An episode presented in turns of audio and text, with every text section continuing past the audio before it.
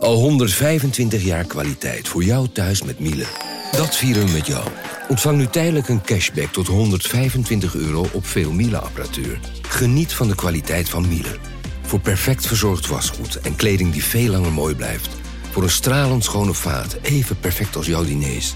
En een stofvrij thuis waarin echt hygiënisch schoon de standaard is.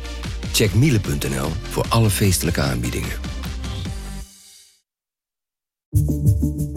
Vanaf de redactie van NRC het verhaal van vandaag. Mijn naam is Thomas Ruip.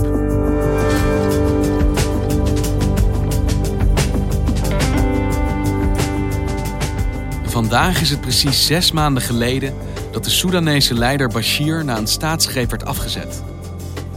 De bevolking is druk bezig het land te bouwen dat ze altijd al wilden hebben, zag Afrika-redacteur Maran Nashat Sharifi in de hoofdstad Khartoum.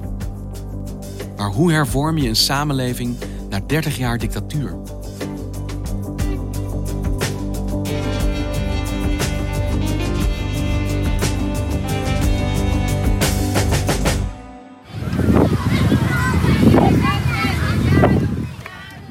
Stel je een gigantisch plein voor, waar op zondagavond gezinnen, uh, vrienden, jonge mensen, oude mensen samenkomen, op grasvelden zitten, um, muziek maken met elkaar, iets eten, wat te drinken meenemen.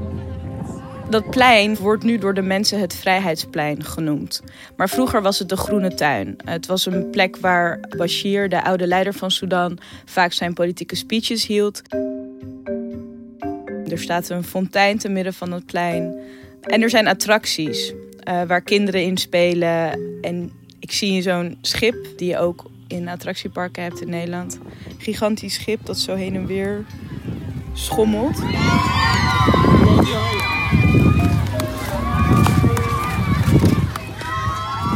Zo'n piratenschip. Ja, precies.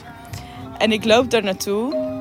En op een gegeven moment hoor ik dat al die jongere uh, tieners voornamelijk die in dat schip zitten, die schreeuwen freedom, freedom, freedom.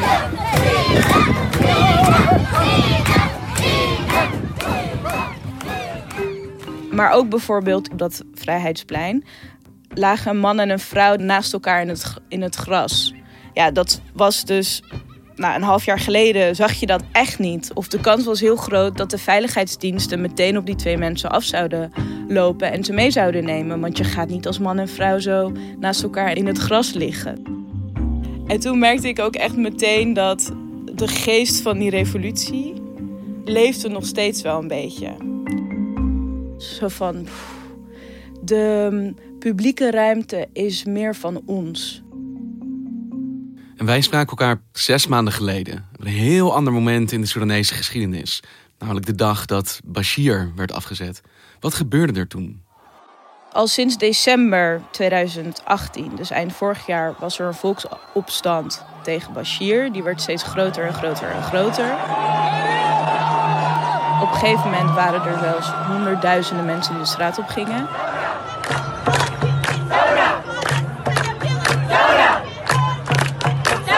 Er werd eigenlijk een staatsgreep gepleegd door een aantal militairen. In Soedan zou president Omar al-Bashir door het leger zijn afgezet. Dat melden verschillende media. Het nieuws komt na weken van protest in het land. Jij bent onze Afrika-redacteur en jij volgde de volksopstand eigenlijk vanuit Nederland. En hoe deed je dat toen? Ik heb veel contacten gelegd in de gemeenschap. En zo kwam ik ook telefonisch in contact met mensen die, in Sudan zelf zaten. Uh, maar het was altijd op afstand. Dus ik was echt super blij dat ik er eindelijk dan zelf naartoe kon gaan. En het, en het kon proeven, weet je wel. Wat, wat daar zich heeft afgespeeld. En wat dat voor een samenleving betekent op het moment dat um, een regime dat 30 jaar lang aan de macht was, dat dat ineens wegvalt. En ja, wat komt er dan?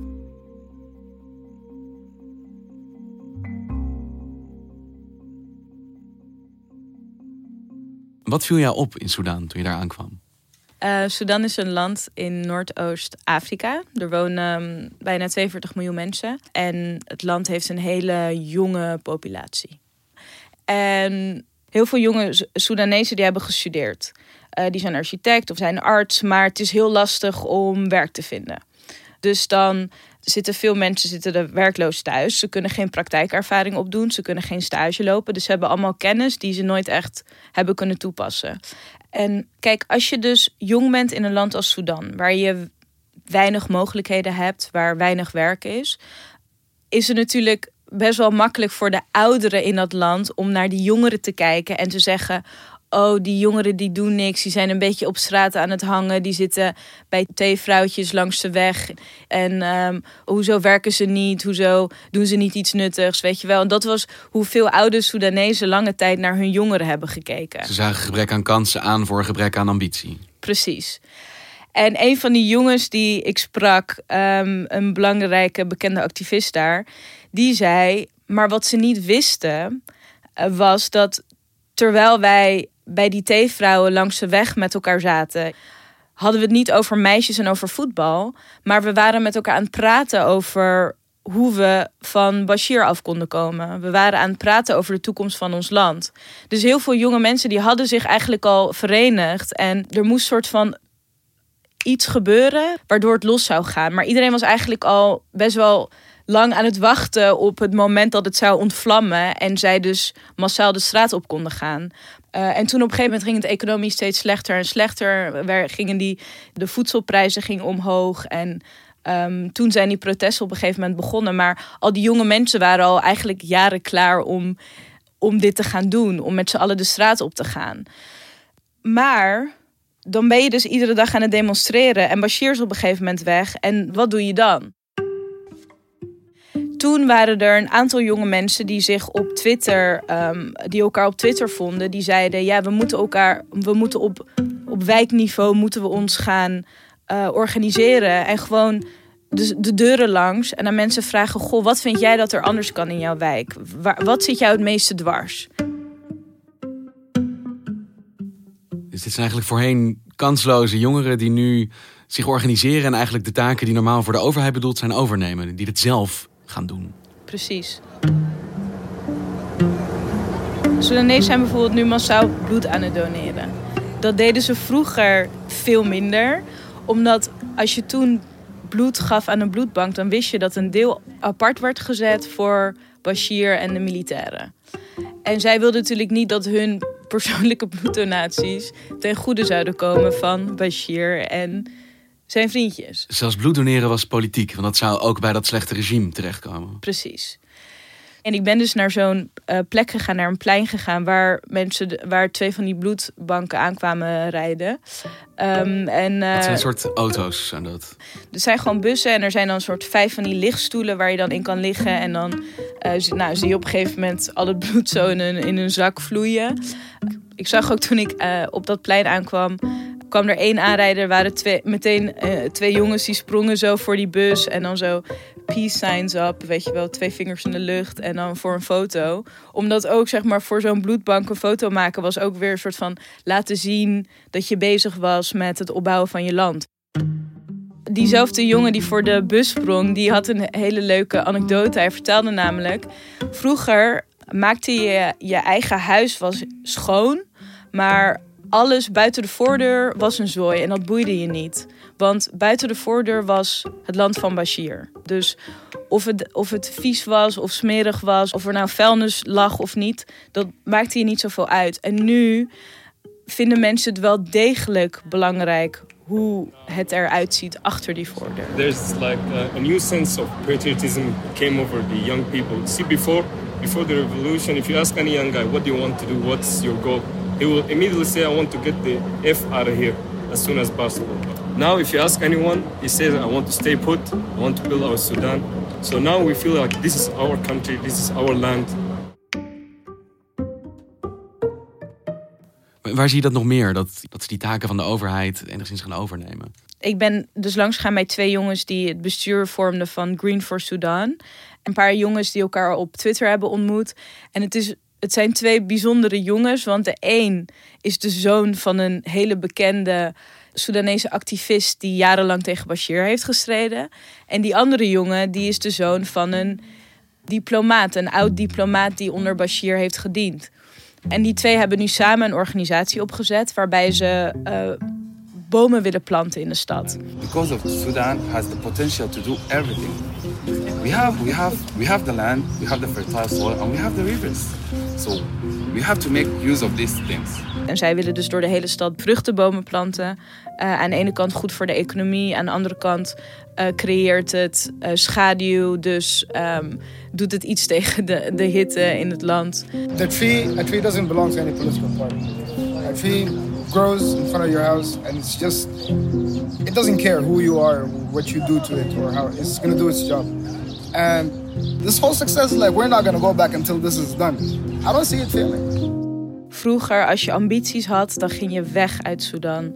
En nu, uh, als je ambities hebt, dan blijf je, want je kan je land eindelijk weer opbouwen.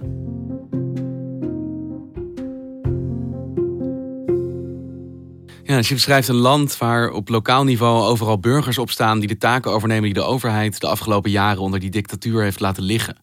Maar een land wordt natuurlijk op meerdere niveaus bestuurd. En het lijkt me dat je voor een stabiel land natuurlijk ook een stabiele regering nodig hebt. En dat lijkt me nog een hele grote uitdaging na een staatsgreep. Ja, het is, ook, het is ook een enorme uitdaging. Kijk, Bashir was weg. Toen hebben de militairen het een tijdje overgenomen. Um, het volk bleef, bleef in opstand komen, want zij wilden natuurlijk niet dat de militairen de macht zouden overnemen. Um, en uh, zij wilden dat er een burgerregering kwam. Een burgerregering in plaats van een regering die gedomineerd wordt door het leger. Over drie jaar zijn de verkiezingen in Sudan. Nu is er een soort tussenfase waarin um, er een regering is die voor een groot deel uit burgers uh, bestaat, maar ook militairen. In Sudan is een historisch akkoord getekend voor een overgangsregering. Burgers en militairen zullen gezamenlijk het land gaan besturen tot er nieuwe verkiezingen zijn. Daarom is de hele situatie in Sudan best wel uniek. Want het is natuurlijk niet voor het eerst zo dat er in die regio een autocratische leider wordt weggestuurd of dat er een volksopstand is. Dat hebben we eerder gezien. Zijn de domino's aan het vallen in het Midden-Oosten? Massale protesten in Tunesië. En die slaan over naar Egypte, Libië, Syrië. Millions of Egyptians took to the streets to demand the resignation of President Mubarak. Al snel wordt gesproken over een Arabische lente. Met nogal wisselende resultaten. Of eigenlijk, misschien als je eerlijk bent, gewoon heel vaak toch een soort gefaalde revoluties. Die niet hebben opgeleverd waar de betogers op hoopten. Precies, en dat ligt natuurlijk in Sudan ook nog steeds op de loer.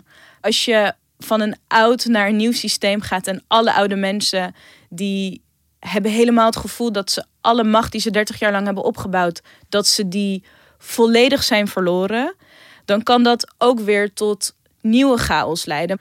Maar als het de Soedanezen wel lukt om in dit systeem, waarin dus de oude machthebbers zich nog steeds vertegenwoordigd voelen in het nieuwe systeem, en dat dat er misschien voor zorgt dat zij niet in opstand komen, dan is het de Soedanezen gelukt, wat heel veel andere landen in die regio niet is gelukt. Namelijk om een enigszins stabiele periode na de revolutie mee te maken.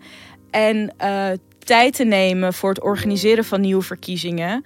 En ook echt tijd te nemen om het nieuwe land op te bouwen. Want je begint echt van scratch. Op een bepaalde manier is een dictatuur wel duidelijk, denk ik, ideologisch gezien. Of je gaat erin mee, of je verzet je ertegen. En als zo'n dictator dan weg is, heb je wel natuurlijk allerlei groepen met verschillende ideeën over de toekomst van een land die ja, elkaar ook misschien gaan bestrijden. Proef jij iets van eensgezindheid? Er is zeker eensgezindheid in Sudan. Mensen waren echt klaar met Bashir. En ik heb zelfs een familielid van hem gesproken die vertelde dat een groot deel van de familie ook echt blij is dat Bashir niet meer aan de macht is. Zijn eigen familie is blij met het resultaat van de revolutie, dat Bashir weg is. Ja, een deel van zijn familie is heel blij dat Bashir weg is. Omdat ze vinden dat hij het land naar de verdoemenis heeft geholpen. En waar is hij nu? Wat moet er met hem gebeuren? Bashir die zit momenteel in de gevangenis. Ik heb veel Soedanezen gevraagd: wat vinden jullie dat er met Bashir moet gebeuren? En sommigen zeiden ze moeten hem voor altijd opsluiten. Maar het, wat ik het meeste hoorde was: What do you think should happen to him? Public hanging. Public hanging. I'm not pro death penalty, but in this situation, I'm very much pro it. Yeah. Ik denk niet dat dat gaat gebeuren, maar het zou wel zo kunnen zijn dat um, dit vraagstuk een grote rol gaat spelen bij de verkiezingen over drie jaar. Wat gebeurt er met Bashir? En sprekend over die verkiezingen over drie jaar. Dit is een land wat 30 jaar heeft te kampen gehad onder het juk van een dictator. En nu eigenlijk ja, toch een best ongewisse toekomst tegemoet gaat. We hebben natuurlijk andere voorbeelden gezien waar dat misschien niet zo goed uitpakt als dat in het begin leek. Hoe hoopvol ben jij over de toekomst van Soudaan? Het is spannend wat er gaat gebeuren. Want kijk, op, op dit moment zijn Soedanese jongeren nog steeds optimistisch en ze zijn enthousiast. Die volksopstand is net geweest. Ze zijn hun het land aan het opbouwen dat ze willen hebben. Ze hebben ontzettend veel energie om dit ook te doen. Maar de vraag is, hoe lang houden ze dit vol? Want op het moment dat deze nieuwe tijdelijke regering het komende jaar bijvoorbeeld geen stappen gaat zetten die tot concrete veranderingen leiden, die uh, de economie van het land bijvoorbeeld uh, beter gaat maken, dan zullen heel veel van de jongeren ook denken van oké, nou, uh, hebben we dit allemaal dan voor niks gedaan? Dus het is nog maar de vraag of het deze tijdelijke regering lukt, hè, tot de nieuwe verkiezingen worden uitgeschreven over drie jaar, of het ze lukt om mensen de komende drie jaar tevreden te houden. Ik blijf, ik blijf het land natuurlijk volgen en ik ben benieuwd of het optimisme dat ik daar in Sudan zag, of ze dat kunnen vasthouden.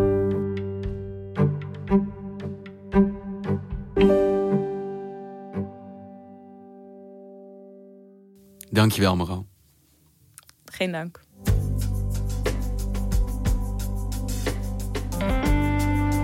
Luisterde naar vandaag, een podcast van NRC. Eén verhaal, elke dag. Vandaag wordt gemaakt door Mirjam van Zuidam, Henk Ruigrok van der Werven, Tessa Kolen, Ido Havinga, Julie Blusset, Jan-Paul de Bond, Ruben Pest, Felicia Alberding en Jeppe van Kesteren. De muziek die je hoort is van Rufus van Baardwijk. Dit was vandaag, maandag weer.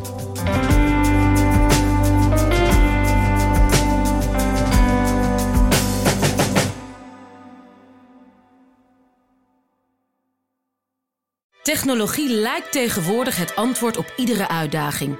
Bij PwC zien we dit anders. Als we de potentie van technologie willen benutten, kunnen we niet zonder een menselijk perspectief. Human-led, tech-powered noemen we dat. Ga naar pwc.nl.